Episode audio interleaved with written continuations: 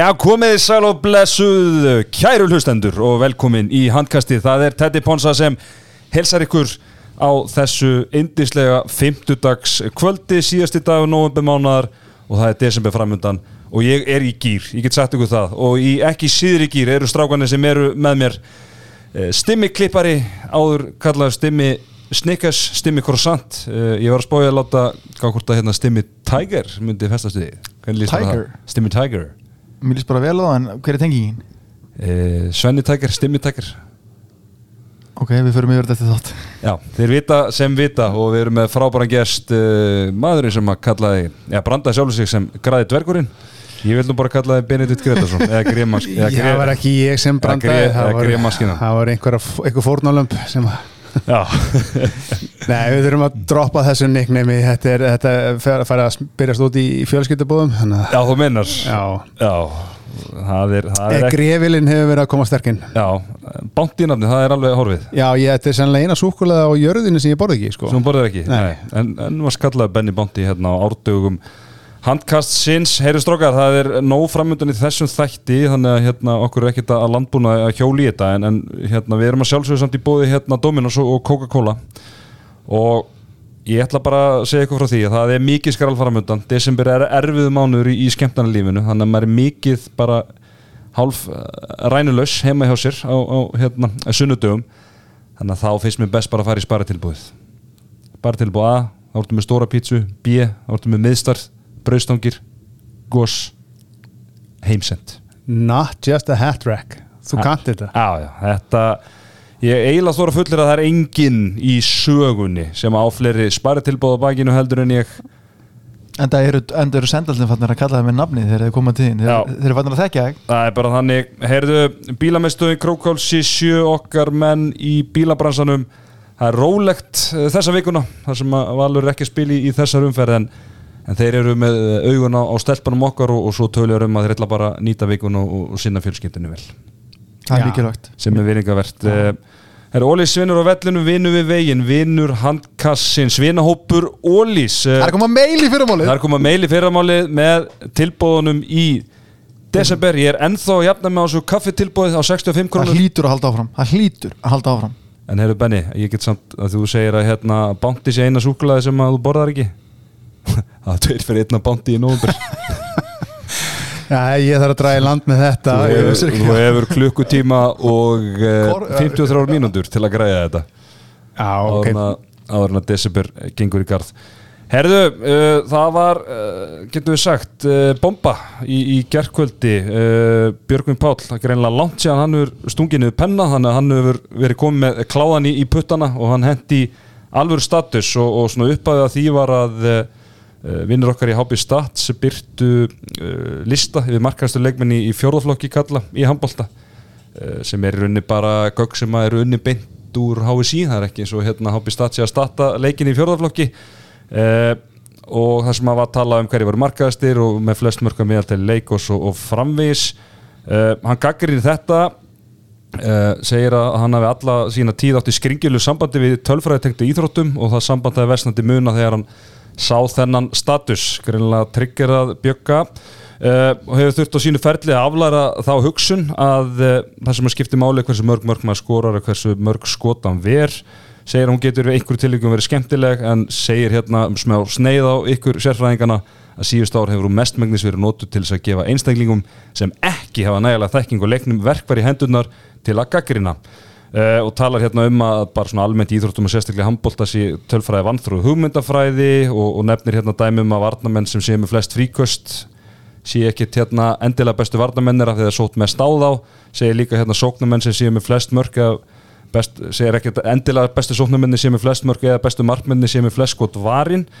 Uh, og svo svona hérna fyrir hann talar um þetta hérna meira og, og endar á að segja hérna uh, niðurlega ég skil mikilvæg tölfræðinar og ég átta mig á því hvernig hún getur hjálpað okkur en ekki í fjórðaflokki Statistic can be made to prove anything, even the truth. Uh, Benedikt uh, ég veit að þú hefur leiðið við þessum status í dag. Hvað uh, hvað hérna þitt uh, take á þetta? Sko, um, ég er svo sem ekkert rosalega sterkar skoðanir á sem ágætta pisli en uh, hann hefur auðvitað eitthvað til þessi smáls tölfræðin er bara einhverju tölur á blaði eins og nafni gefur til kynna og sýnir ekki allt það sem er að gerast og, og hann hefur auðvitað einhverju að punta þarna. En ef að tölfræðin segir mér að einhver er 2.16 þá er hún að segja mér að hann hafi ekki átt góðan skotdag. Og ef að markmaður sem fær á sig 40 skot verð 2 þá veit ég að minnst að kosti hann er ekki eiga góðan dag heldur. Jafnvel þá að hann hafi kannski uh, með bara nærveru sinni svolítið ákvað áhrif á samverjana það má kannski orða það þannig en ég meina, veist hann bara hefur sína skoðun og allt það. Ég, eftir að þessi tölfræði byrjaði að byrtast á HP Stats þá finnst mér bara hurðin hafa svolítið opnast fyrir þá sem að hafa áhuga að kíkja og rýna þessi í gögnin. Þetta er hún misjöfn og það er ekkert alltaf 100% örull og hún sé alveg 100% rétt en ég held að svona heilt yfir þá sé tölfræði bara að finna góða og hjálpi bara öllum sko Já, ég tek undir það og hérna ég get alveg skilið hvað sem hvað hann er að koma menna 15 ára gráðu stimmi hefur lesið mikið í hvað hann væri búin að verja marga bolta á við aðra, sko, þetta getur örglega en þá er þetta bara En það er ekki að vera að tala, þetta eru bara mörg Já, ég veit að það er örglega, hann er örglega hættur um þetta að verða eitthvað meira en ég, veist, allt er góð, veist, leggjum það bara til hliðar en þú veist, ætlum við þá bara að vera eina íþróttin í heiminum að því að tölfræði í handbolta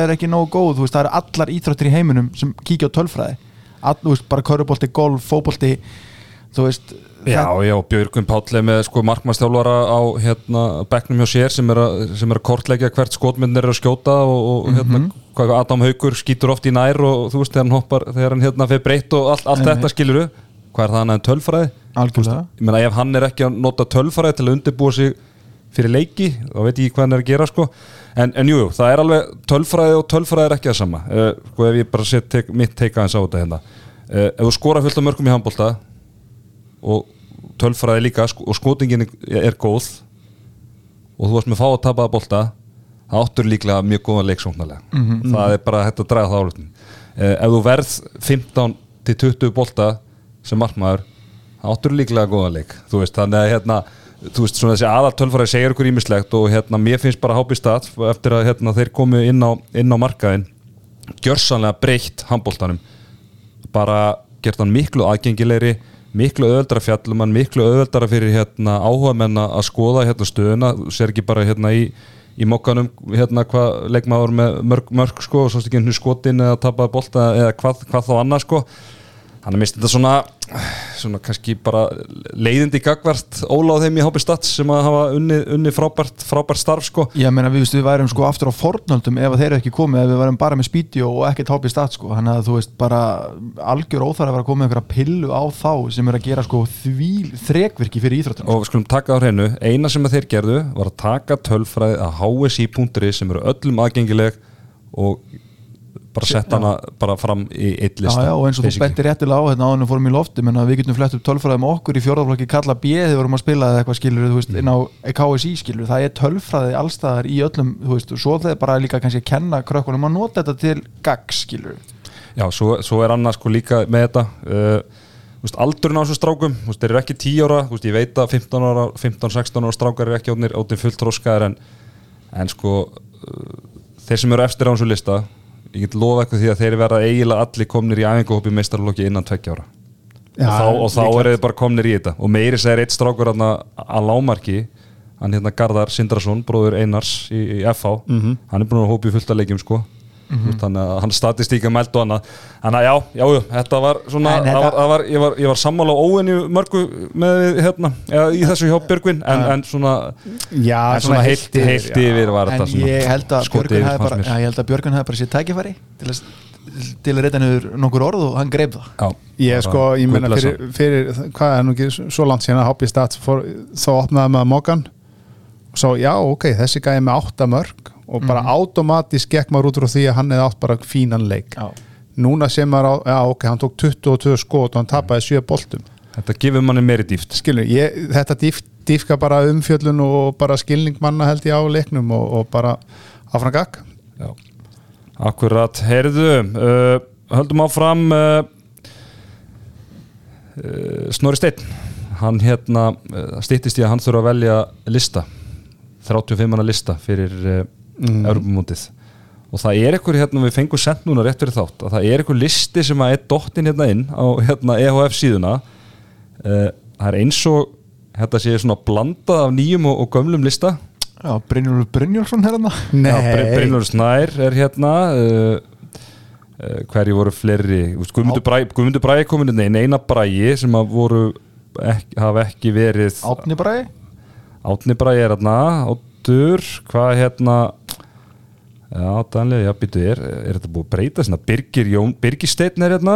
Segðu mér að Daða Gautansson sé þetta Ólafur Ægir er hérna. Ha? Óskar Ólafsson? Herru Íktus Alexander Pettersson Allir það allir- Já, Já, Þrá- já, þrá- 35 manna lista. Þetta er ekki þess að finnur ekki já, Þetta er alveg algjör komið þvæla þetta bara. Já, þetta er allavega við getum ekki gengið út frá því að þetta sé 100% rétt en, en mögulega er eitthvað búið að leika það inn. En við getum ekkert fullurtu það. Herðu, þá er komið að máli málana uh, HM Kvenna. Ísland Slóinja Fyrstileikurinn fór fram í dag hjá íslensku stelpunum og öll okkar landsinsumræða er í bóði Vók fyrir heimilið sem eru í síðumúla og á Glerártorgi. Og Vók stiður umfjöldun hangasins um íslensku landsliðin og stórmótunum á þessu tímabili. HM Kvenna núna í desember. og uh, EM kalla í, janúar. Og þú veist hver heldur um stýrið þar? Hver skildi það vera? hver skildi það nú vera? Já, segðu mér. Hann vill ekki láta nafnsins getið. Jú, jú, En það? Í Val, vók Valdi Gríms. Já, ég ég held að, já, ég- ég var aðeins að miskilaði sko. Já. ég sónaði þess út sko þegar þú ert orðin gamall þá verður þreyttur eftir klukkan hálf tíu á kvöldin og við erum akkurat eftir klukkan hálf tíu núna. Já, þannig að jú, jú, Valdi Gríms hann er mistarinn hann er búin að vera að selja gardínur og gluggatjöld í áratví Já geitinni heim bransa ég keiri þarna fram í okkur um einasta degi og, og ég hæ alltaf á mér til að Og Til þú að getur virða að það gengur vel. Það gengur vel, það gengur vel, vissulega. Herðu, Benni, hérna uh, þú horfðar hún að leik uh, já, náðan, náðan reyndar ekki 60 mínútur en, en, en svona, svona meira mest, hlutan mest megnis uh, bara hérna lungsastu töpu við 30-24 á, á móti slóðunum sem voru án sinna svona tveggja og sterkustu leikmennum en, en allt kom fyrir ekki. Samt svona fínir sprettir hjá, hjá íslenska íslenska liðinu en, en Benni þessi byrjun uh, við erum 11-4 undir eftir cirka bát uh, kortir uh, það svona kannski draf þetta þó að, þó að vissulega hafi komið góður, gott áhlaup síðar í leiknum. Já, því hafið örgulega séð hundrað svona leiki þú hafðir einhvern veginn alltaf á tilfinningunni þú, þú veist að, meiri, að væri meiri gæði og hitliði væri bara aðeins betra. Þó að stelpunna gerðu ríkalega vel minkanir í eitt mark og fá nota beni fullt að tækja hvernig til að jafna leikin kannski ef eitthvað, eitthvað tögatitringur komið í slóvenuna þá þá svona, ég hafði svona alltaf svona undirliggjandi tilfinningu að slóvenarnir gætu alltaf sett eitt gýr upp. Og, en, var en líka á sama tíma var það þannig að mér fannst að ef þær væru værukærar þá gætu við stólið þessu. En því miður þá bara einhvern veginn svar okkur máttur eða við getum hvernig ég Ég orða held það. að bara, ég, ég held að okkur bara skorti reynsluna til að, til að komu þessu þær voru klókari Já. og það, þú veist, maður sá bara upp að leiks það var bara stress og auðvitað eru flestar að spila sinn fyrsta leik á stórmóti er ekki hvað, eina eða tvær í hópnum sem að voru með fyrir, hvað, er 11 árum síðan eða hvað það var mm En það er líka bara þegar þú ert í, í svona stöðu og við erum allir hérna að spila, spila leiki sem, að, sem eru svona og sé leiki sem eru svona þegar þú ert, ert að elda með 60 mörgum það fyrir rosalega orka í að, í að ná þig niður. Og þú nærði kannski niður í eitt, niður í tvö. Svo kannski hérna slítur eftir aðeins í sundur. Svo þarf það að reyna saxa það niður. Og endanum bara eh, hefur ekki orkunni í alltaf þetta. Og þú veist, það var svona þannig og þú veist, og þeir, hefði verið svona sálfræðilega að ná þessu þröskuldi að ná að jafna kannski komast einu, einu tömi yfir og, og allt það sko. Já, Það kannski- nýting á dauðafærum líka hræðileg sko og Já, ég meina sóknarleikunum var hörmung bara til að byrja með. Já, svona heilt yfir var hann ekki góður það var svona neistar inn á milli en, en svo þetta línumæðurinn fekk að leina, leika ansi lausum hala þarna, ég heldur að við með eitthvað 9-9 eða eitthvað. Já, 8-8 þetta samkvæmt. Já, en þú veist, þetta er alls ekkert eitthvað, eitthvað doom and gloom á horfan og leik þú veist að Slóvenja á að vera með miklu betra lið en Ísland Mhm. og, og, og það eru vinnið þetta endanum sex mörgum en kannski óþarlega mikill munur með hvernig stafar orðin þegar það var lítið eftir þannig að en ég meni ég held að stelpunar bara taki jákvæðu punktana og addi og, og, mæti bara sprækar í næsta leik og mér skilst að Angola hafi gefið frökkum hörku, hörkuleik sko, þannig að þetta er erfiður rill heldur betur, maður að sé tölfræðina uh, Hafdís Rindóttir, hún byrjaði markinu varði ekki skot, fekk á sig 11 mörg uh, skipt út af þarna í stöðinu 11-4 Elin Jóna kemur inn, uh, var aukskári, 7 hérna væri sko 28% markværsla. T.A. Manni, Perla Rutt og Sandra Erlings markværsla með 5 mörg og Elin Rósa með 4 mörg úr, fjórum skotum það er þetta leiklið þarna, mér minnir að það hefur verið í stöðunni hvort það hefur verið í 10-4 eða hvort það hefur verið í 11-4 og, og þá breyta það eins til. Uh, fara í þessa uh, slamnesku vörn, mm -hmm. eigavörn setja Ber Berglind, Berglindi Þorstins fyrir framann þetta var svona ekki, hún var ekki að sinna sér hlutverki nákvæmlega eins og Magnús Stefánsson gerði á sínu tíma, hún var svona aðeins að hérna dattaði svona meira niður sko, ég veit ekki hvort að það hefur verið hérna, upplegið eða hvað en, en en Vardalegur skánaði mikið við, við þessa breytingu og svo kom kraftur með Elinurós Sandra endaði, hérna, hún var fín í setni það var svona smá brasáni til að byrja með. Og mér fannst Elinurós að koma með svona neista sóknarlega sem að var svona kannski komið svo áhlöpi aðeins að stað og, hérna, og Elin svona, einmitt, byrjaði ákveðli í markinu eftir að Hafdís á ekki hérna, klukka bolta en en hérna, er eitthvað svona í þessu þú veist sem að myndi vilja sem myndi vilja breyta fyrir, fyrir næsta leik Nei, raun og verið ekki. Þú veist, ég er að vona bara í næsta leik komið það kannski inn, búin að hlaupa af sér hotnin menna, þú veist, Katrin Tinna við sjáum bara, þú veist, reynslulegis í þessu. Hún fær tvís að tvær í fyrirháleik fyrir að hlaup, eða þú veist, hún fær tvís að tvær mjöndur í fyrirháleik fyrir að hlaup í gegnum miðjuna hjá slóinu þegar að taka miðju.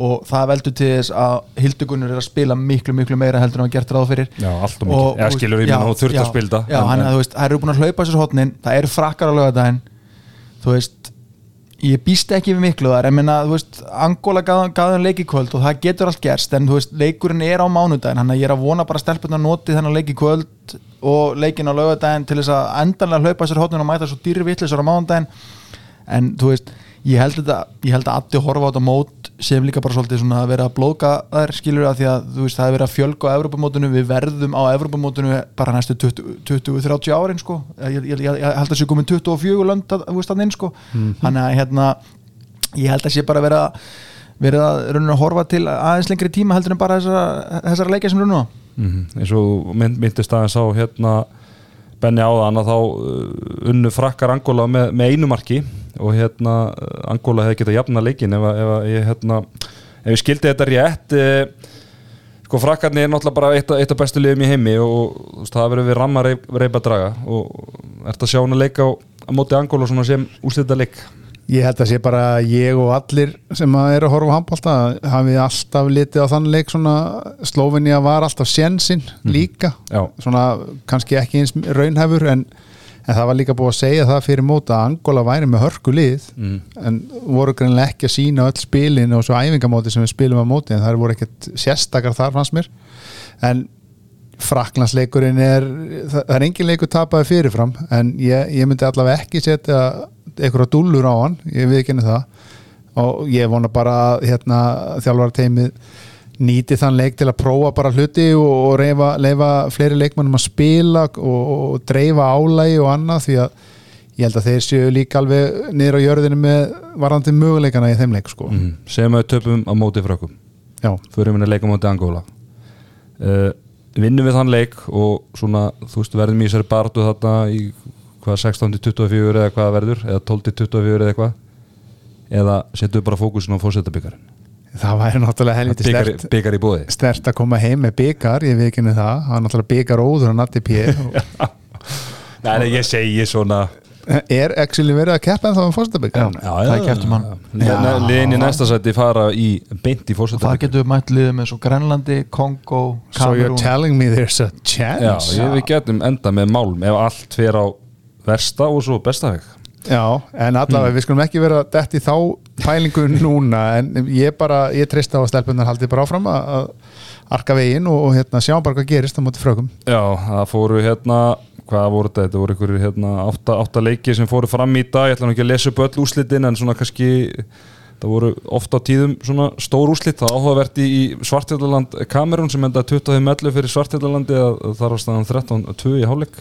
Já, Eh, En við skulum ekkert kíkja í tölfærana þar. Þetta það er margt sem geti að klika þar. Já, við skulum ekki, ekki gera það við ekki- við skulum ekki vera æra óstöðuðan ég, ég sá Noregur Grænland í ger Já, Það var áhugaverðu leikur.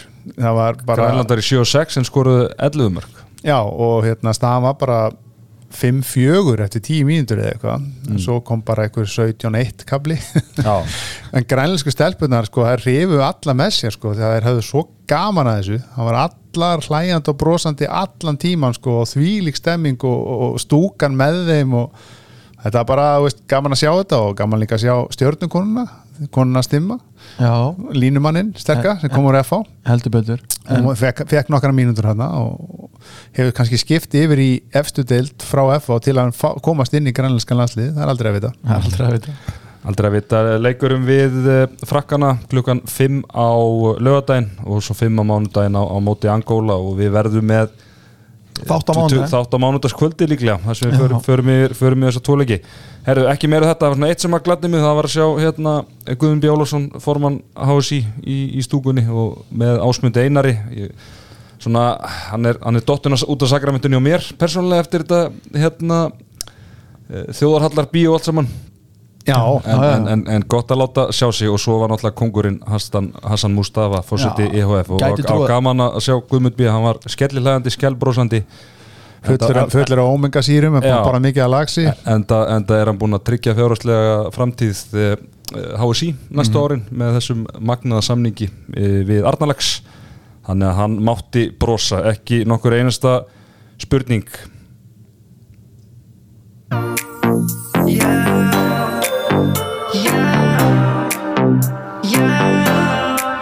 Hún vill fá pretty, pretty, um Já, já, hann vill hann lykti vel, syngi vel. Herðu, nokkuð leikmann leiksins. Uh, Við munum velja nokkuð leikmann leiksins eftir hvern einasta leik uh, Íslands á þessu móti. Uh, Stimmi, hver hlut náð fyrir augum domnendur Herðu, við, við vorum með svona bjögga yfir aukslinni á okkur þannig að við vorum að horfa í tölfræðin en við horfum dýbra líka þannig að við vorum ekkert að taka, taka markasta leikmannin og við ákvæmum að þessu sinni að það er hún Elin Rósa Magnúsdóttir bara vegna innkomu hennar í hennar leik og bara já, fjóri fjóri sköpu færi og hún bara einhvern veginn kom og svona kveikti nestan Akkurat Vaknar næsta morgun. Kemur að tómum skónum. Hann er uppseldur. Já, já, uppseldur allstaðar. Elin Rósa vel að þessu komin. Herðu, þá skulum við vind okkur í Ólís deild eh, Karla. 11. umferðin, hún kláraðist ekki kvöld en 5 af 6 leikjum umferðinnar eh, kláraðist í, í dag og í gær. Eh, svo er það hvað valur afturheldingið það ekki sem er Jú. hvað, mánudaginn 18. desember en við munum samt eh, vera með uppgjör á þessar umferði, við býðum ekki, ekki svona Nei, já, það er ekki alveg nógu gott að við býja til 18. des með þetta Nei, það er kannski þó að kannski haugarnir væru til það Já, haugarnir til og talandi um haugana þeir fengu framara í heimsókn í kvöld á ásvelli og í baráttunni þetta voru hvað liðin í 15 og 17 sæti mulli liðana uh, framararnir voru með stíu meira fyrir þennan leik og þannig að maður bjóst við svona jöfnum og, og spennandi leik en svo var heldur betur ekki raunin því að framararnir tóku haugana og gjörsanlega snýttu þeim unnu 33, 23 sigur eftir bara að hafa ekki verið í einum einustu vandræðum alla leikin, ná góður í fórustu snemma í leiknum uh, Benni, þú varst á leiknum ekki satt? Jú, jú, tók tví höfða, tók hérna sá mína menn í körfunni loksins vinna leik og rölti svo yfir í, í stóra sal og, og, og sá mína menn í handboltanum freda upp á bak Faraðans yfir hérna af því að ég og augu okkar stimma voru á öðru leikjum á, sama tíma, faraðans yfir með okkur bara hvað hva gekk þarna á? uh, Það sem gekk á var bara það að ég bara, ég hef aldrei upplifað annað eins svona aðra eins flattnesku og í haugaliðinu í þessum leik. Og það var nú mikið sagt. Já, þeir eru búin að vera oft á tíum verið en mér fannst ég svona greina örlítið breytingu svona á kapla í vetur. Það var eins og þetta væri bara í byrjun september og það var í æfingarleikur það var ekkert að frétta og þá hvorki á áhörundum þjálfarateiminu, leikmönnum. Einu sem fær rós er kannski hérna, þeim sem sáum veitingarnar í hálfleik fínar veitingar í hálfleik og svo voru ykkur hópur af litlum strákum þarna sem bara trommur allan tíman restin á bara að skamma sín fyrir hennar leik. Þetta var ekki bóðlegt og í raun og veru til skammar og, og sko höfum það í huga að úslitin gefa ekki rétt að mynda leiknum. Þetta átti að vera stærra. Ef að framara hefði haldið áfram að keira þeir voru bara konum með Rúnar og Koric og, og Lalla og, og bara voru konum með minni spámen inn og þeirra 10-12 myndir eftir þá voru þeir 12 mörgum yfir þeir byrjaði að skipta þeir hefðu getað unnið leik með 15-20 eða hefðu haft virkilega náhugaði Það er rosalegt. Eh, þeir voru bara pakkaðum saman á öllum stöðum á vellinum. Öllum stöðum á vellinum Eh, hjá haugunum var Guðmundur Bræði markaðastu með 6 mörg þar að 2 vítum uh, Birgir Snær og Guðmundur Hólmar á- og Adam Haugur með 3 mörg Eh, það tók Adam Haugur þurfti 13 skott í, í þessi 3 mörg já, hvernig tók að Hattam 13 skot síðast Össur Haraldsson 0-5 datornum ekki til huga kannski eftir 0-4 eða svona, það væri kannski mögulega ekki, ekki leikurinn ekki leikurinn hans? eða? Já, það var að, maður heyrði það í stúkunni svona þegar Lalli var búin að gjörsanlega taka hann bara og setja hann í rasvasan í fyrstu þremu færunum svona að kannski gefa sigga, Mhm. taka hann kannski á bekkin, kæla hans hausinn og, og það bara inn á aftur. En, en hann var inn á í 40 mínútur og var 0-5 strákreið hann tök það fram að Össur er búin að vera eitt besti leikmaður liðsins í veður hann, alls ekkert við hann að akkurat núna en þetta var bara ekki leikurinn hans og, og Sigur er þetta að koma inn á fyrr. Ekki það að það er breytt neinu sko en, en bara svona aðeins, bara ræsa á sér á bekknum og, og reyfa liðið. Mhm. hann var með 2 á 2 já, já, það var bara fín pappin vantalega stoltur í, stúkunni og hann veit vonandi hver Teddy Ponsa er í, dag en, en við skulum ekki fullir það neitt um það. Þegar Erðu Arrafn, hann fann sig ekki Magnús Gunnar, hann kannski líka hann getur svona verið ágætlega sáttu með, með sína framistu eða sko við fórum inn í hálfleikin eða við, eða haukar, fórum inn í hálfleikin nýju mörgum undir. Já, ef að Magnús Gunnar hefði ekki komið inn og gert það sem hann var að gera þó það sem hann var að gera, þá hefði verið 12-13 undir í hálfleik. Mm. þetta var sko ég tek ekkert af frömmurum, þeir voru bara góðir og, og, og, þetta Rúnar var komin aftur og, Korits er heill og Lalli komin í markið, Lalli náttúrulega bara sjóðheitur í markinu. Lalli frábær, 17 skot 46% vassla en svona ef maður lítur yfir hérna, bara fyrir ekki bjöggi minn, another trigger warning. Ef maður lítur á tölfaraðina, það sem að ég sá ekki enn leik uh, þá uh, þetta var að dreifast í fram. Þetta hefur verið liðs framist Já, já, já, þeir voru að fá bara úr hotnum á línu skot fyrir utan, hraðuplaup you name it. Bara þeir fengu, eins og ég segi, bara úr öllum stöðum og eins og ég sagði áðan, ef þeir hefðu haldið bara áfram dampi og, og virkilega vilja nýðulega hauka ennþá meira þá þeir sennilega bara gert það og það hefði bara við farið í sögubækurnar held ég sko, þetta var það lélegt í haukum.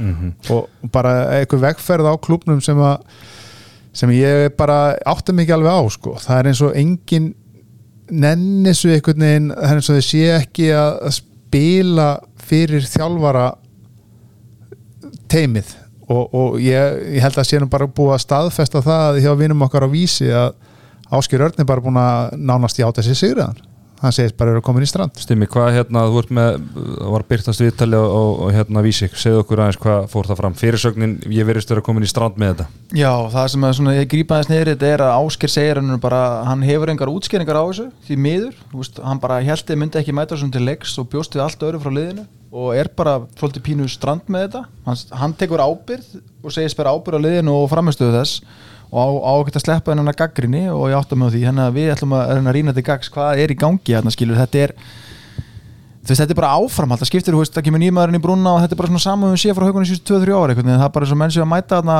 bara af því að þau eru nittið til, sko, þú veist. Þannig að, sko, 11 leikir fyrir um fyrir búin uh, þeir eru með undir, þetta eru haukar sko. Þetta er, þeir eru með gott, mér finnst þið vera með bara, deildinni slagari gott- og, og þeir eru með kvintlið Deild, deildinni slagari og mér finnst þið bara vera vel mannaðir, bara í svona heilt yfir.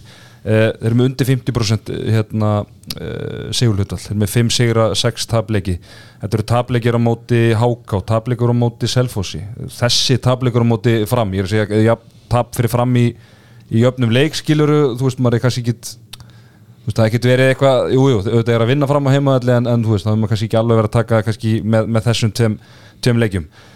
Ég meina þetta er bara, veist, það kemur sér tableikur á móti, móti hérna HK, þeir ná að rífa sér í gang, Maxin kemur hérna inn með, með smá kraft, veist, þeir að taka hérna lið og pakka þeim saman, taka gróttu, taka hérna káa, er að vinna svona samfærandi, samfærandi sigra.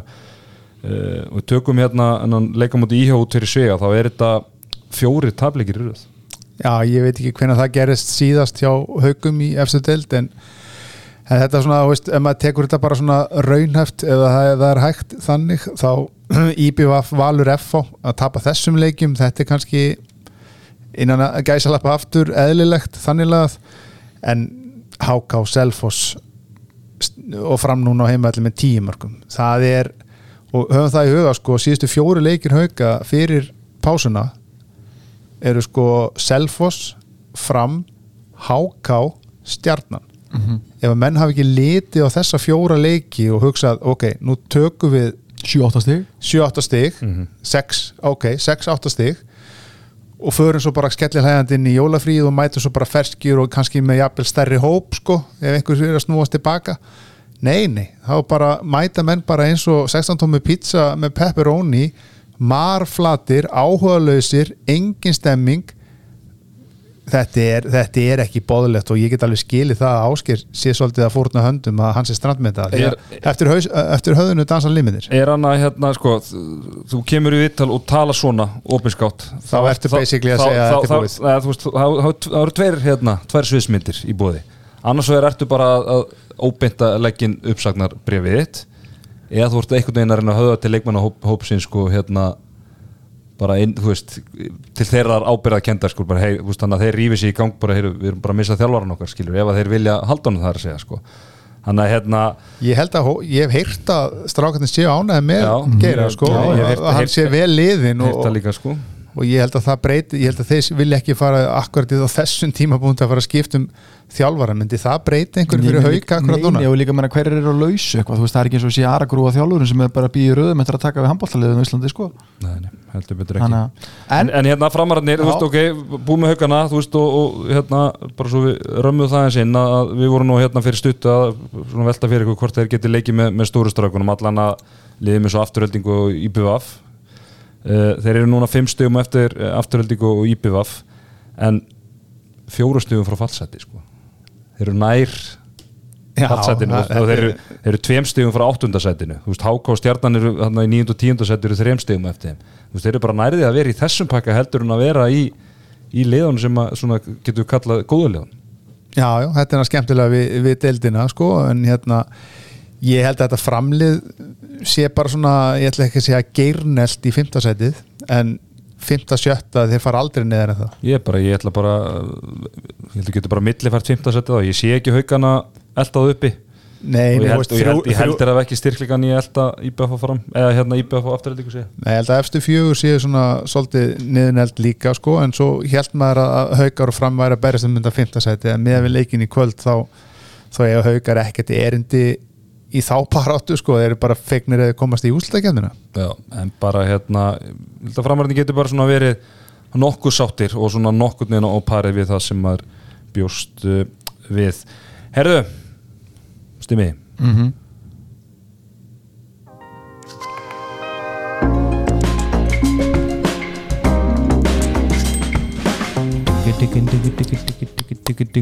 Simi Pay uh, með handkastinu og það var leikur í opinu dagskrá í sjónvarpi Símans núna í kvöld uh, á nesinu þar sem að Gróta fekk Selfoss í heimsókn virkilega áhuga, áhugaverðu leikur fyrirframlið sem að, að berjast þarna í, í kjallaránum og fyrirfram bjósti við jöfnum og spennandi leik og jafnvel að selfisingarnir væru sigurstrangleiri bara svona með hvernig þau verið að spilast síðustu vikur. En heldur betur ekki því að Gróta vann mjög örugan sigur 32-25 og voru miklu betri. Allan tíman get ég sagt ykkur uh, eina baldin frábær í markinu hjá Gróttu var með 19 varin skot og svona drót hennurna gjössala úr, úr selfinsingum uh, Ágúst Ingi Óskarsson maður sem að haugandi getu hugsalega mögulega notað Benedikt það var með tímörk, þar af sjú vítur reyndar og Antoine, Oscar Pantano eitt flottasta nafnið í bransanum strákurinn ungi frábær fimmörk úr sex skotum uh, hjá Selfossi, það var í rauninni voðalega lítið að frétta Viljus og Alexander fundur svo ekki í markinu. Það voru Gunnar Kári, Alvaro Fernandes og, og Tryggvi Sigurberg. Uh, ég horfði á hann að leikstrákar uh, uh, Selfossingarnir mæta ekki með Sölva Svávarsson sem er búin að vera mjög svona sprækur upp á hérna upp á síkastið og, og svona gefið þeim svona breyt, eða svona vítskil getur við sagt að þau eru ekki að vera með réttindan að hæra megin. Uh, voru með alvara og smáverða þar sem að kannski alveg átti, ekkert við hann að sakast átti ágætis, uh, ágætis leik en svona allt flæði mun betra í síðustu leiki með Sölvaðarna Allir ævar, hann er hverki sjáanlur, ég veit ekki hvort hann hefði bara verið að leysa af hann eitthvað tímabundi, Nei. þeir meila bara komast að því og, og selfinsingar sem er að hlusta, allir Kristins og, og Kóði með endilega að senda okkur hvernig, hvernig staðan er á því, en svona veist, þessi leiku þannig séð, það er bara vel uppsettur hjá, hjá gróttunni mjög svona hérna, helstift og góð framistaða hjá þeim uh, heimavöllurinn. Verja við, Já. verja við. Bara grótt á nesunu, er alltaf grótt á nesunu það er bara, og tala ekki um með eina baldin í svona stuði. Já, þú- hérna situr maður eins og trúður með mikrofón og, og alltaf einhvern veginn spáðum maður um tapja á heimaðalli sko og það gengur, gengur aldrei Þú eftir ætla seint að læra Það er, er, þrjú, það er. Já, það er náttúrulega Fjór, erfitt- Fjórði sigurlögur Já, er það það er náttúrulega erfitt að treysta þegar maður veit aldrei hverju mæta til leiks á selfisingum sko. það er bara happ og glappa hverju er í hóp hverju sinni og einhvern veginn aldrei en að maður kannski fær enga skýringar á því þannig að þetta er svona, veist, þeir megi ekkit við að missa alla ævar og sölva í fjórastega leik eins og þessu var eða sextega leik eins og við vorum næstu fann að kalla þetta sko. Já, já, og, og ég meina, þegar við erum að tala um Selfoss, ég meina þetta er, er unglið, við erum talað um það. Og, og hérna, og ég hef nú, þú veist, sagt að, bara helmingurinn að þessum, ég myndi ekki þekkja át og götu, sko, ef, ef ég segja það uh, en það eru nokkrir sem að þekkir og Sveitnandri Sveinsson sem er reynslubolt í þessari deild, ég meina, hann er með þrjú mörg og sjö skotum og tapa fimm boltum, sko, hann fann sig enga veginn, Einar Sverrisson, hann eiga allt og marga hauskopuleiki, sko með að við bara hvað hérna liði verður á mikið, þú veist, þarf á hann að halda hann hérna er einhvern veginn bara frábær eða, eða bara ömulög sko, það er einhvern veginn ekki þar á milli hjá honum. Hann er með eitt markur úr fimm skotum. Uh, sko mér langar eiginlega bara að ræða eins bara selfinsingana uh, tapa þarna fyrstu sex leikjónu sínum. Uh, svo kemur smá svona neist í þetta en, en, en, en stigasöfnin er það sem hún er benni. Fjögur stig eftir fyrir umfyrirna hvað getur Selfoss gert til að bara falla ekki Já, þegar stórt er spurt auðveldasta svari væri náttúrulega að styrkja leikmannahópin en uh, hvort að það sé bara yfirleitt í bóði hvort það sé einhverju bitar á lausu og hvort það sé laus peningur og annað maður veit ekkert hvernig staðan er fyrir austan fjall. En þeir þurfa náttúrulega bara eins og þú sagði þú þarft náttúrulega að hafa Víljus Rasimas stöðuðan og þú þarft að hafa Einar Sverjesson stöðu, stöðuðan eða þú ert með þetta bakbein, tala nú ekki um ef að allir ævar kemur aftur þá ertu með í góðu stuði en, en það er eins og þú segir það er bara allt og mikla sveiflur. Ég menna Alexander var hann ekki, var hann ekki með eitthvað 90% markværsla móti haugum í síðustu umferð? Jú, jú. svo bara finnur hann sig enga við í kvöld. Allavega ef það er að marka tölfræði ef ég má nota hana. Þá hérna, Þú, þú mátt það hér. Ég má þarna, ok, Já. takk en ég veit ekki hvað selfisingar er að gera. Ég, kannski voru þeir eitthvað hátt upp eftir sigurinn á haugum en ég hugsa að við getum nú sett saman þokkarett lið bara hérna í handkastinu og staði í haugum eins og staðan er núna. Já, þið reyndu það reyndar í íhjá.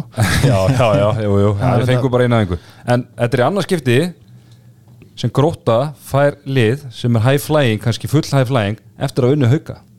Þeir fá háká í leiknum og eftir Já.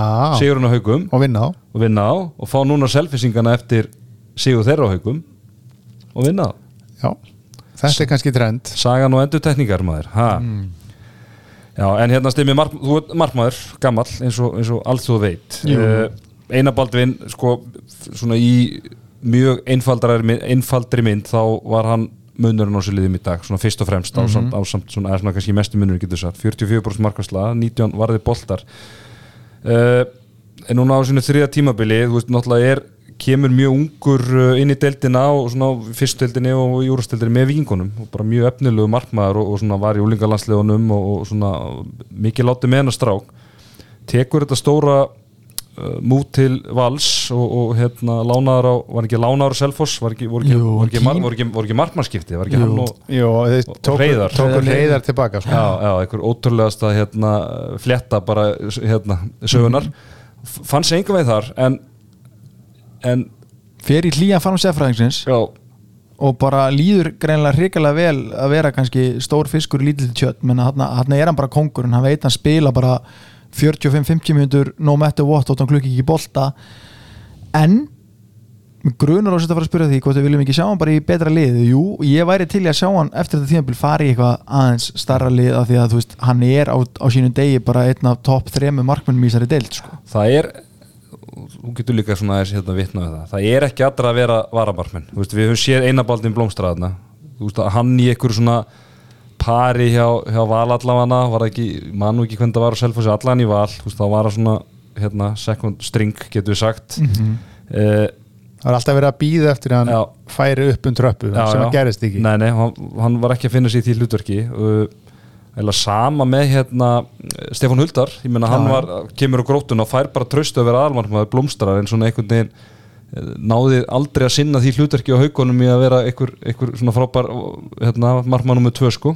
Svo, svo getur þetta líka snúist við eins og hann hérna Andri Skeving. Hann var frábær varamarkmaður í haugum. Já, en svo átt hann að vera aðalmarkmaður hjá afturöldingu eða ekki? Jú. Er ég að muni þetta kannski eitthvað villast? Jú, nei, það er rétt sjöður, sko, það er nefnilega sko, þannig með þetta, sko, með sjálfstressu, sko Hápi Stats getur ekki, hérna, trakka það en hérna, þú veist, þetta er bara einhvern veginn þú veist, þú ert með tröstið og veist þú ert að fara að spila leik sama hvað gerist í síðasta leik þú hefði átt hauskúpuleik og klukka þrjábólta ég er að fara að starta næsta leik það ert ekki að dvelja mikið við þetta og svona eina baldvin held ég held að þurfi svolítið bara að vera aðalkallinn og hún, hún, og hún er líður verðarna og ég, þú veist, það er fullt að, deildum, í- eh, fullt að liðið mér deildinni sem geta hérna, er nýtt sér hann. Og ég held ég að með þess að tala um það í uppbytun þetta við okkur að til þess að gróta þyrfti að eiga sjans að vinna leiki þyrfti hann að vera með 40% vörslu og, og, og það bara var raunin í kvöld. Ég hugsa að skoðar alla fjóra sigurleiki gróttu þá, er hann með yfir 40% þá er hann í 40% sko. já, stimmið að heimaðinu fyrir næsta átt ég skal gera það, heldur betur Takk, en hérna það sem er kannski svona aðlýsu að ástæðan fyrir að við völdum hennar leik sem Orannibúm hérna, leiku umfæriðina var Nei, nei, þú erum ekkert í honum, við erum í Síman Pay leiknum kallum minn, orðinni búum leikurinn er næst. Fyrirgeðu, ástæðan fyrir að vantala þessi leikur, þetta var hérna fram og tilbaka ástæðan fyrir að þessi leikur var síndur í, í símanum Já, var eh, bara staðan á liðunum, skilur þú veist, þetta er bara, þessi leikur mun telja ansi mikið í þegar við teljum upp bókunum í og fjórum stöðum undan Selfossi. Og vinna á líka ansið samfærandi það getur líka skipt máli ef að Selfoss stelur í setnumförinni Já, sigri, það er ekkit, það er ekkit sérstaklega líklegt að þeir vinna á með 7-8 mörgum nei, þannig að það getur líka verið innberist þar. Þannig að þetta er bara rosalega mikið vegu leikur og mikið vegu sigur fyrir grótuna og ég held að held að þeir ver- verði bara að hérna, líta áfram veginn og, og ha- halda þessu ví eins og það hefur verið. Það er bara mjög óþægilegt að mæta þessu liði á nesunu og eins og við erum búin að koma margóft inn á. Ég meina það er ekki, það er ekki bara það eru, það eru stærri fiskar en selfisingar sem lendi í vandræðum að það heldur, heldur betur. Og við höfum séð það, heyrðu segjum þetta gott af þessum leik. Og þá erum við komin hingað. Tiesto. Cuba.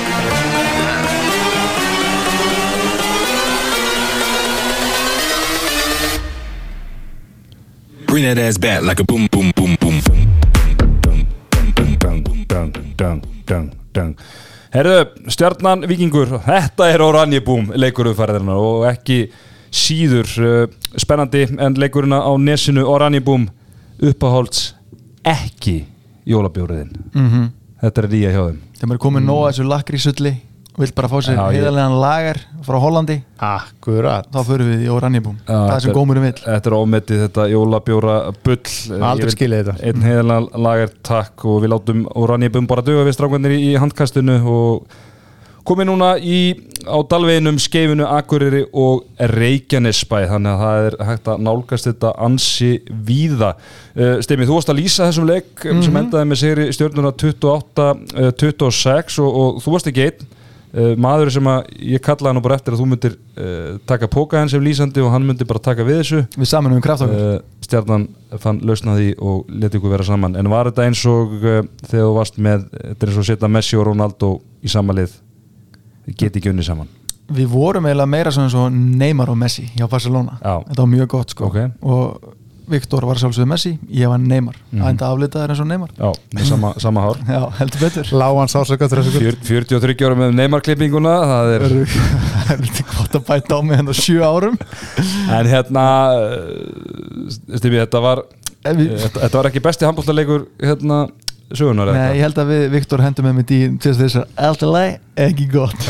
Og hérna nei sko, þessi leikur svona þegar maður horfir á hvernig hann þróaðist þá kláraðist hann bara eftir 7 mínútur. Mhm. stjarnan komst í 5-0 og vikingar komast ekki á blað fyrir en eftir 7,5 mínútu.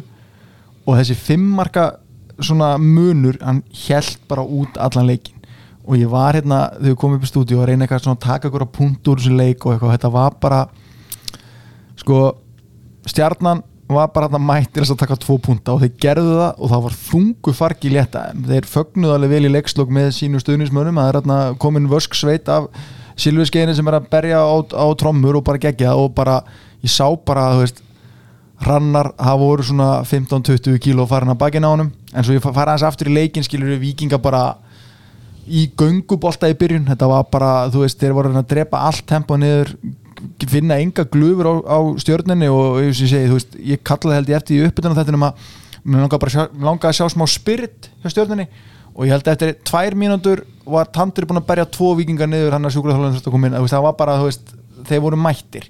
Og vikingar fari í 7 og 6 um miðbygg fyrirháleik og halda því bara út, út allan leikin og svona einhvern veginn, þeir komast bara aldrei nær. Þeir náðu að minga þetta niður í fjögumörk og þó þetta hafi endað í tveimur þá var stjarnan hann 6 mörgum yfir, það voru þrjár mínútur eftir og bara það, veist, þetta voru bara svona þessar klassísku ruslmínútur sem við höfum séð Halldór Ingana báða að vera að bæta á þessum góðum mörgum hjá Viking sko. og það 50 myndur að ruslið út að, segja eitthvað það E- e- eiginlega sko, en bara eins og segi, þú veist, stjórnum bara geta tekið út úr þessu leik, bara tvö stig og bara, þú veist áfram gakk sko. Já, flottið þeim með það sem að kannski svona að maður rennir yfir eh, ekki tölfræðina heldur bara markaskorið að Starri Freyrisson hann er búin að koma frábælega inn í þetta eftir hans meðsli og, og, og gríðarlegt eh, með fullri veringu fyrir, fyrir honum Benedikt eh, Marino að þetta er náttúrulega bara rosalegt uppgreita að fá starra þarna í, í hotnið og hann er bara á góðum degi besti leikmaður stjörnunar og, og svona eitt er allra mikilvægsti leikmaður Já, heldur betur og hérna, sko, mér langar aðeins að minnast á innkomu hjá honum Daniel Karl Gunnarsinni sem kom inn í vinstra í setni hálfleik Var hann ekki búin að vera eða? Jú,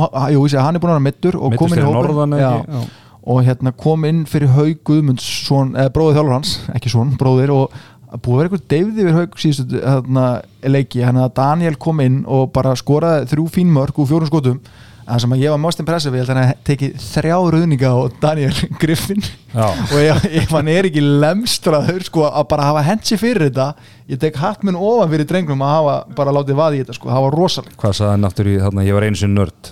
Góð fórn Jón. Já, góð fórn, bara góð fórn Daniel, Já. þú veist. En hérna, HB Stats, það var svona eins og vannilega í toppmálum hérna í Garðabænum og, það, og það, það, var það er komið inn. Er það komið inn? það er komið inn. Það var ekki live Nei, það var smá basla á, á bróði fórsetans en við gefum henni séns, hann áttaði sig á því að þetta væri tvekja manna verk þetta er, þetta er, þetta er hörku Já. vannmeti starf að starta handbólt er alls ekkit auðvelt mál sko. En, en, en hversu íslenskt er það, sorry, grípi uh, uh, stjarnafyrir þetta tímabil með Patrik Jóhannesson einn allra bara handbólta legend sem mm. þjálfari leysins hann hættir eftir þrjáleiki og í 11. umferð er hann mættur á statistíkina? Það er bara geðvett það það er all hands on deck. Það, hér, það er allir fannar að hjálpa staði í garabanninu hann er ekki á stór í neitt einasta verk Nei. og, það er bara en virðingaverk eins og ég segi, þú veist sko, all stjarnan er komið fallseti. Já, já, þeir eru komin fallstætti en sko, vikingarnir bara Guðmundsson í Jóhann Reynir bara fann sig ekki, bara lendi í, í hrömmunum og tandra í byrjun leiks og einhvern veginn varð bara, veist, smá lítill. Ég skila bara vel, sko, ef að tandra myndi ná í mig sko, þá myndi ég bara hennilega bakka. Veist, hann, hann er 2-8 og bara jú, ég var að finna félagi sinna á línuna ágætlega en veist, til þess að vikingar eigi séns þá við að markvæslu og að Jóhann Reynir eigi toppleik og það var bara kvorugt í kvöld.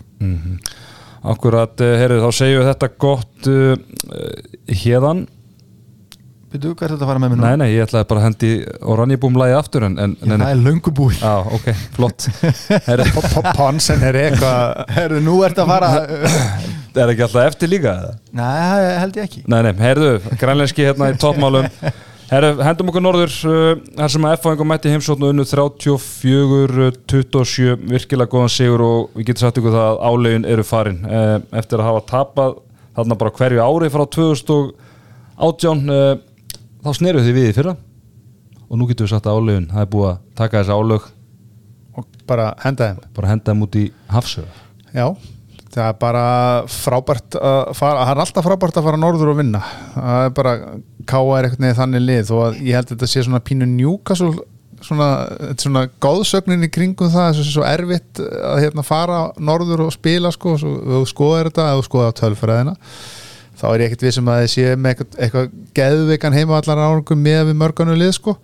En allt er góð, þú ber saman leikmannahópana sem voru að mætast þarna á í káaheimilinu þá er ódegilega að vera skildusögu fyrir FH það er bara þannig, hún lítur á þetta og, og Aron er ekki eða eitthvað stórleik. Jón Bjarni, þú veist um að gat ekki klikkað á skoti gegn haugum hann var ekki að finna sig það voru þarna fullt af leikmannum hjá FH sem voru bara svona njö samt bara lokaði káa léttilega og FH er bara á hrikalega góðum stað. Mhm, Já, þetta er, er byrjanleik F-fangunar, gríðalegu um krafti komast í eh, hvað ná 5-2 fórustu þarna eftir 7 myndur og þá tekur, tekur Halldór hérna þjálfari Káa leikli og, og þá svona kemur, kemur smá lífi þetta hjá Káa ná svona þess að hérna að minka, að svona að svona hérna jafna, jafna og jafna leikin en eh, svo bara hliður FHI, hún á sjömarka fórustu Káa svarar reynda með 5 5-0 kapla eftir það og minka þetta svona tvöði háluleik, hann að maður hugsaði fyrir setni háluleikin að hérna, þetta gæti orðið, orðið spennandi en,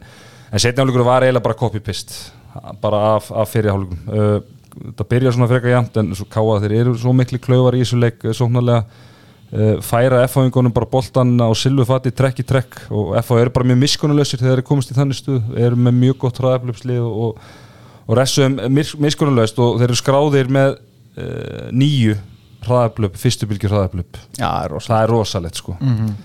Er þetta ekki bara svona eins og, þú veist, við vorum að tala um áðan með hérna, hvernig gróta er að fá liðin eftir að þeir eru búin að vinna óvænta sigra Káamenn tóku óvænta sigur í síðustu umferð á móti val, þú veit að verið vel.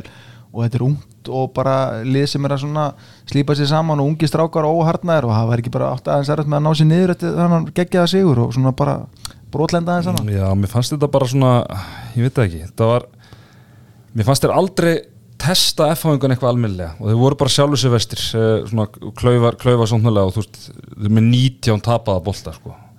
það er líka, það er líka galinn tölfræði sko tapaða bolti þýðir yfirleitt ef þú ert að spila mútið góðlegum það þýðir bara hraðaflip í bak sko. Já.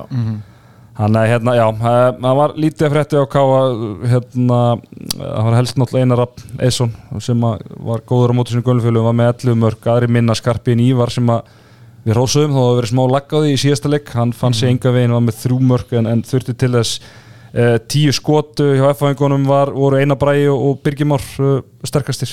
Einar Bræi er bara ég er svo hrifin af þessu leikmanni sko, hann er svo geggjaður og, og Birgimár naut góðsaður sem hérna hraðablöfum með þetta. Já, já, bara mjög traustur í hægra hotninu og, og, og hérna einabræði er náttúrulega bara hlýtur bara að vera að spila sig í mennskuna. Mhm. þannig að það, það endar auðvitað bara með, með því að hann fer eitthvað, það er bara ég veit ekki hvort það sé nú eða ekki fyrir að fá að kreist út úr honum eitthvað titil sko á, á öðrun að fer en, en, en hann hefur allt sem að þarf að hafa til að fara lengra. Og fá okkur til kélisett ég sagði okkur þetta. Já, já, Kjell er búin að segja þetta allan tíma Í bara þrjú, fjögur ár. hann, hann er dýpri í handbóltunum en þið haldið sko og ég veit allt um það. Eina bræði uh, sko, bara fínt að hún nefndir þetta ég, af því ég punktaði þetta hjá mér. Uh, sko, standið á honum. Hann er búin að vera í fitnessport uh, Þú veist, Já, hann er bara með pró líkama og pró holningu og hann er, þú veist, hann lúkkar þessu aðdunumæður hann spilar þrist í vörn hann er að spila skittu sóknarlega. Hann er í djöfulgangi allan helvítis tíman orkan sem fer í þetta þú þarft að vera í ekkert eðlilega góðu standi til að bara geta haldið þetta út, þessu intensity allan tíman sko. Já, það er bara veist, sjá gæjan á velli sko, það er eiginlega bara að vera nálagt vellinu til að upplifa sko, orkuleveli sem hann er á. Og þetta, var, þetta virkaði oft svona pínu hjákvallegt þegar hann var ma- ma- mann eftir honum í háká sko, það var svona óttalegt rökkbröð, þetta ungur bara strákur sem átti að bæta á sig og hann, hann var samt að gerpast á fullu sko. Hann mjög góður í að gerpast. Og maður var svona bara hvað ert að gerpast þarna? Þarna rökkbröðið þitt. Svo núna allt í hennu bara er hann bara orðin helmassaður og, og hérna í þvílíku formi og líklega besti leikmaður deildarinnar akkurat núna. Já, svona ef maður tekur báða endavallari þá er hann allan ansi, ansi nálægt uh, því. Er þú eitthvað í seltekkinu? eða? Seldekinu? Já, Nei, ég, nei ég, ég borða bara prótin bara prótein. Og mikinn testabúster Já, mikið já, þú, þú ert nú konar þann aldrei og þarf testa, testabústurinn Ég þarf aldrei nýtt minni Nei, en að þau eru komnið þarna að uh, þá bara vil ég minna á hérna, vinum á píluspjöldin í jólapakkan frá fitnessport Er það þessi bestu þarna? það eru bestu og svona og líka bara vera með þetta einhvern veginn það er svo geðveikt að vera að kasta pílu og hérna e, þegar að háum í pílu byrjar í miðan mánuðin upp, upp, upp á spílari Það er sko, það er hérna típarabróður Arnastaða, hollendingurinn. Já, Michael van Gerven Van Gervin og svo var hann það Snakebite. Já, hann er öflugur en ég held að uppáhalds pílum maður minn sé bara Íslendingurinn hálf, eða sem sagt var portugalsku mættum minni mig, mm. með gullfallegt yfirvara skegg Já. veistu um hvernig ég er að tala? já, já, já, já.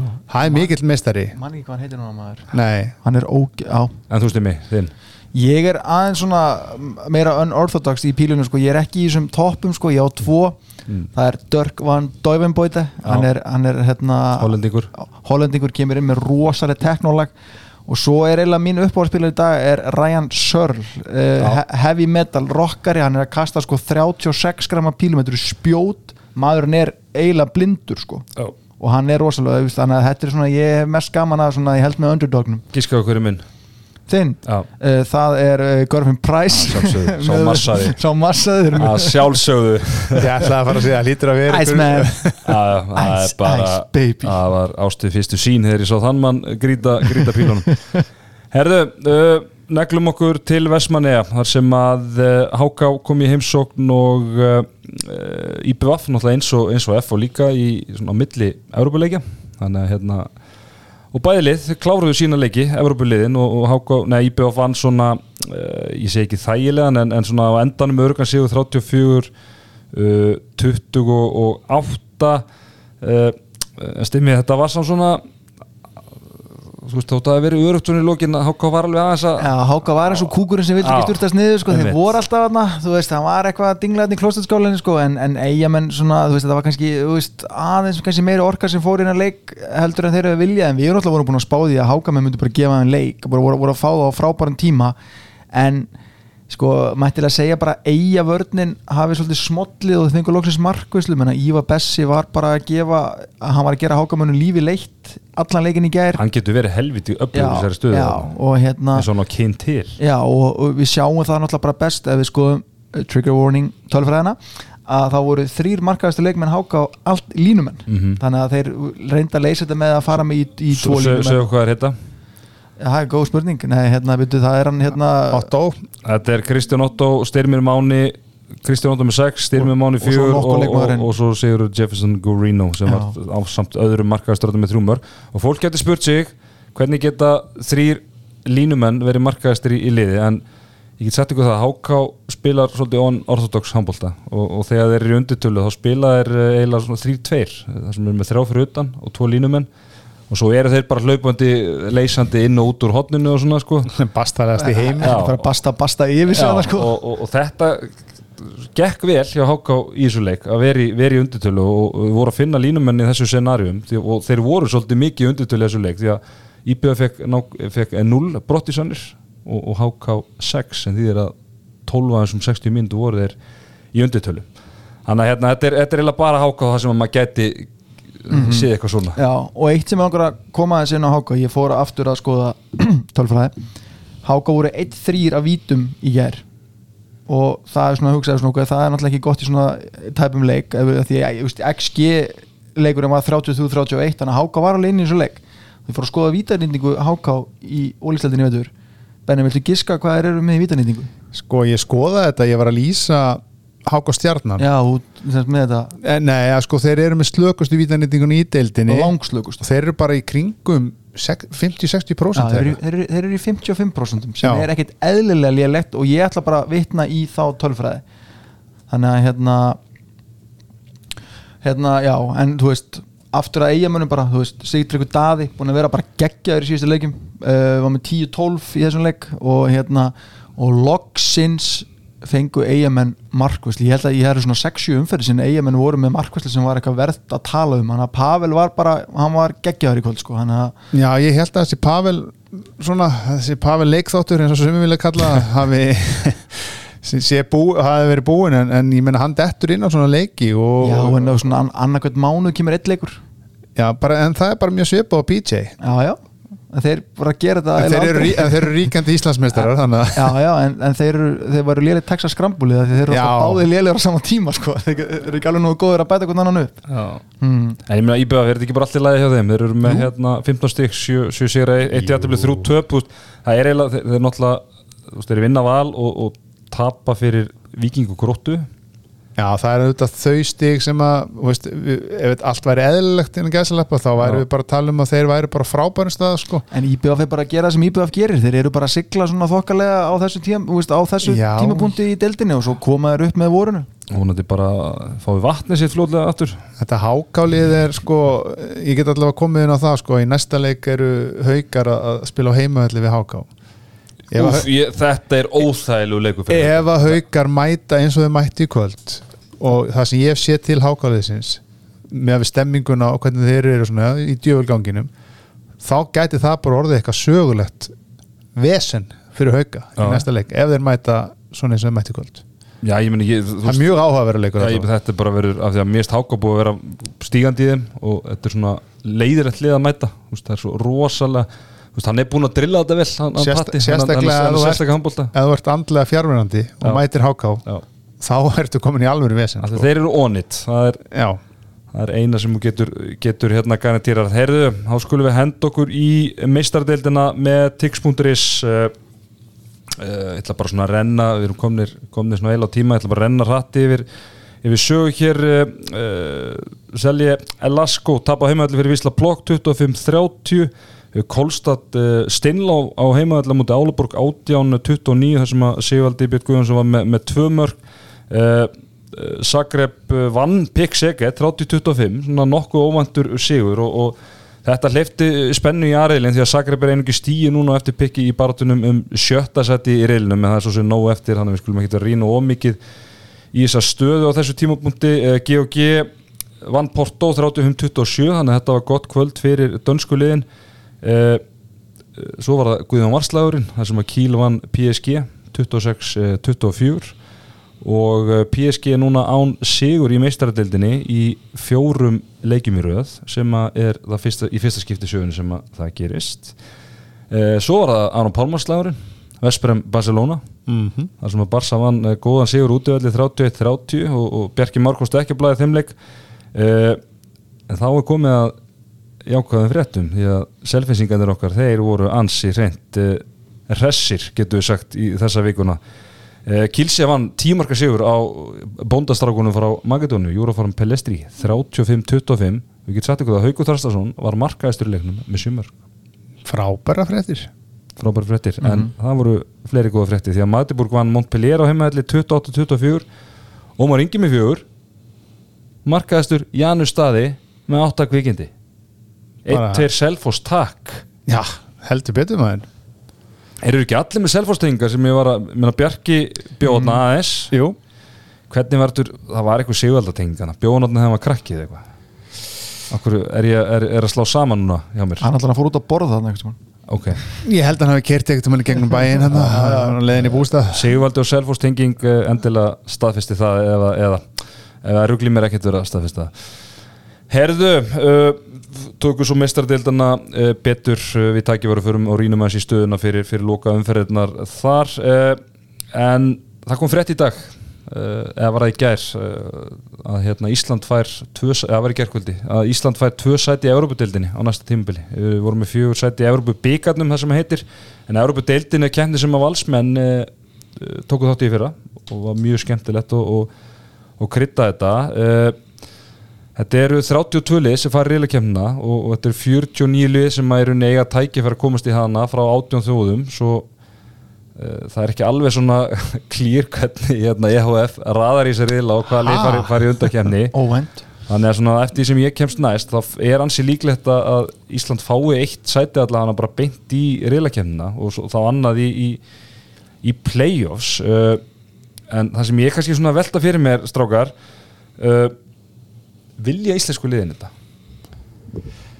sko, Valur fór náttúrulega ansið þjættan pakka með því að fara í þetta og þetta var þetta frábært ævintýri og eitthvað en ég geti auðvitað ekki tala fyrir hönd íslensku liðana en ég meina hvaða lið væri við að tala um þetta FH, Sko, afturöldingu FH afturölding, IPVF uh, uh, Valur aftur. Sko, þetta er náttúrulega þannig, þetta er, eins og ég segi, þetta er mjög dýrt og mikla kröfur frá EHF það er miklu harðari kröfur varandi löglegar hallir. Uh, þú þarft að vera með garantíað að leikurinn getur farið fram á, á réttum tíma. Þar sem með í komi. bæ, bæð þessi aðrið setja IBF í, í, í vandræði til að mynda. Uh, þá þarf að tryggja síningarétt í heimalandinu sem að væri í vesin núna þú stöttu sport hafa gert það í fyrra tek, eða þú veist, sem það keft síningaréttin í fyrra. Uh, þú mátt ekki auðlýsa nema EHF sponsera á svona letskjám sem er í kringum völlin Já, já, skiljið þannig að þú getur ekki, nonni pípari get ekki hérna auðlýst það sko. Skólprinsun skólprissinu til dæmis. Og hérna bara í fyrra það, það er náttúrulega frækt og svona saga sem gekk að valsmið hengur bara 100 blæsina möppi frá EHF og mönnum, mönnum, hérna fjallus bara hendur þegar að þetta er hvað er og, og ég heirt tölunni 50 miljónum slengt fram í, í, í helda kostnað og það þarf bara svolítið félögin að, að, að vinna, vinna það upp á móti og valsmenn að mér skils náðu því fyrra að koma svona nokkuð þinn út og sléttum. Það var bara blóð, sviti og tár sko. Já, Já, þeir voru að bjóða einhverja VIP miða og einhverjum stórum verðum og þeir voru með alls konar húlum hæ og gerði þetta ríkalega vel en svona, sé- svona kalt mat þá sé ég ekki marga klúpa ég að fara í FO þennan pakka. Ég sé, ég sé, Ég sé F, ég, sé- ég sé, FO var. ég sé F á 100% myndu svona kannastöðuna líka bara með ennþá með Aron og, og allt, allt þetta sko. Og þú veist það er bara hérna mjög, mjög öflugt lið og þessu bara í öllum þessu liðum með þetta en svona mér finnst þú væpið F á þannig og ég þekki það ágætlega að ég held mér finnst þess að F á myndi kýla á þetta ef, ef að sæti í reyla kemni var í, var í bóði Valur er svona, þú veist, þeir eru búin að gera þetta þú veist, það enda náttúrulega bara með því það fór allt í, klessukerið, Já. leikmenn þjálfara stjórnamenn, sjálfbóðalegar, skiljur bara allir, allir búnir á því, sko afturhelding, eh, ég sé það ekki gera þetta, Nei, meina með við bara viðtalið við haugum daginn, Nei, sko. og líka bara Þorsteinn Leo leðinni út og blæir mögulega kannski líka þú veist, menna, ég, ég held allan að hans hugur leita þanga og þá kannski þetta tímabili sem er að stefna núna, að nei, hafa ekki heldur kannski beint jákvæða reynslu af þáttöku sinni í Európa-kefninu þetta árið upp á Já, okkur bara út, út af, ég er engur að tala út frá því, sko. Já, þannig að ég, já, ég held að FH valur sér best að sjáttu og sérstaklega FH kannski. Mm. það er aldrei að vita hvað geiri, geiri næra að kroppa, hann er að kroppa krónur hinga á þangað. Kaupmaðurinn Knái. Já, Já, nýbúða, það er eiginlega sjálft ekki nema að þið vilja spila, spila þá upp á landi sem að er ekki að koma í jargöng Ansi, já það er Átni heitin Jónsson hann, hann var hansi nálætt í 8 tíðum en, en náðu ekki allar leið. Heyrðu, uh, við förum aftur hingað.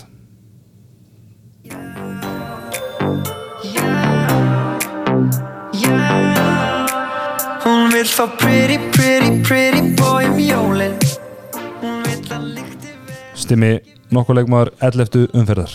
Já, mér finnst alltaf gott þegar ég fæ að tilkynna markmann sem nokkuð leikmann umfærinar og hann kemur úr röðum gróttu og það er Einar Baldvin Baldvinsson. Hún vaknar næsta morgun Já, Einar Baldin Baldvinsson vel að þessu komin frábær með gróttunni á móti ég er svona gríðarlega mikilvæg að leika á móti Selfossi og svona, hvað maður að segja, læði þingstu lóðin á, á vóðskálnar Herru, eitt sem ég glemt að nefna í þeim leik.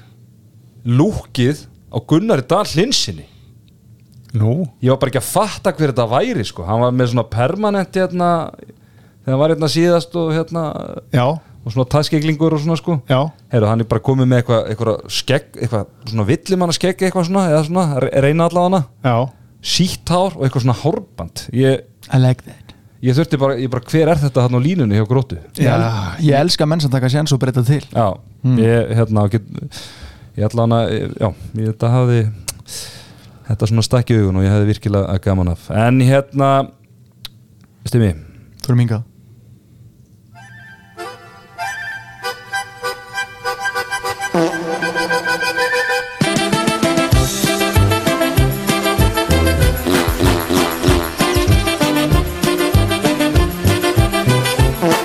Já, það er skita umferðarinnar í bóði skólp hreinsunar áskers, okkar menn. Uh, Stimmi, þetta er kannski ekki margir sem að myndu giska á þetta en Nei, ég ætla bara að halda mút á nesinu. Það er svoleiðis. Já, ég veit að það eru margir á ásvöllum sem að anda núna léttar en við verðum bara því miður að setja skýtu þessu umferðar á gróttuna og bara einhvern veginn umgjöruna þar út af því að sko, það var ekki leikklukka í gangi og menn voru með flettiskilti eins og í gamla dag sko, hann að rífið ykkur í gang gróttumenn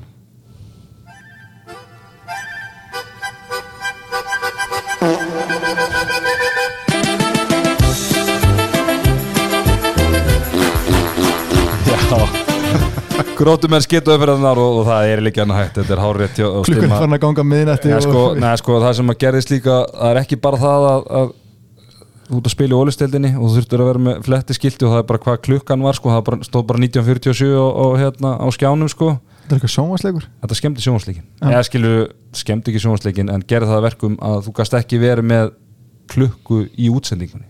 Já. þú getur ekki verið með klukku í útsendingunni nema vera með klukku í húsinu það þarf að vera í syngi sko. Og ef var þá bara verið að skrifa tvær mjöndu niður á svona blað og setja við bekkin þetta ég þól ekki svona amatúrisma, frábær sigur þeir eru frábæri á heimavelli og mikið stemning og allt það en þetta fyrir alveg ógeðslega mikið Það Ég lítur tók bara að hafa slegið út bara rétt fyrir leik og já sko, ekki bara þetta.